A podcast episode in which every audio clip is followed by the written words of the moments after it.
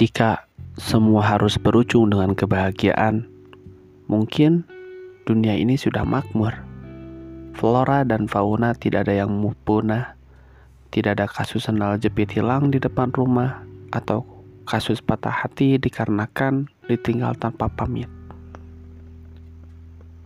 Sudahlah, tidak semua harus kita capai dengan 100%.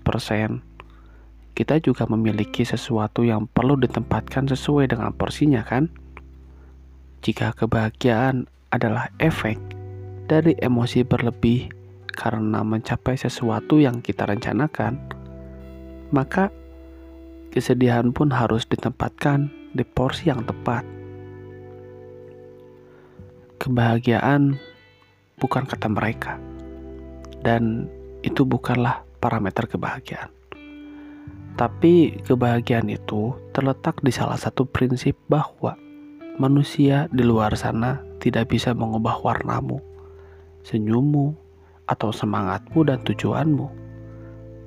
Jika semua ini tentang mereka, mungkin umurmu tidak akan cukup menyimpan setiap harapan manusia-manusia yang bermiliar juta-juta di dunia ini. Jika kamu mencintai seseorang, ada sesuatu yang perlu kamu perhatikan, yaitu dirimu sendiri. Jika kamu mengorbankan semuanya demi seseorang yang kamu cintai, kamu harus sadar kalau kamu harus siap menerima resiko Entah itu buruk atau baik, tapi itu adalah hukuman cinta.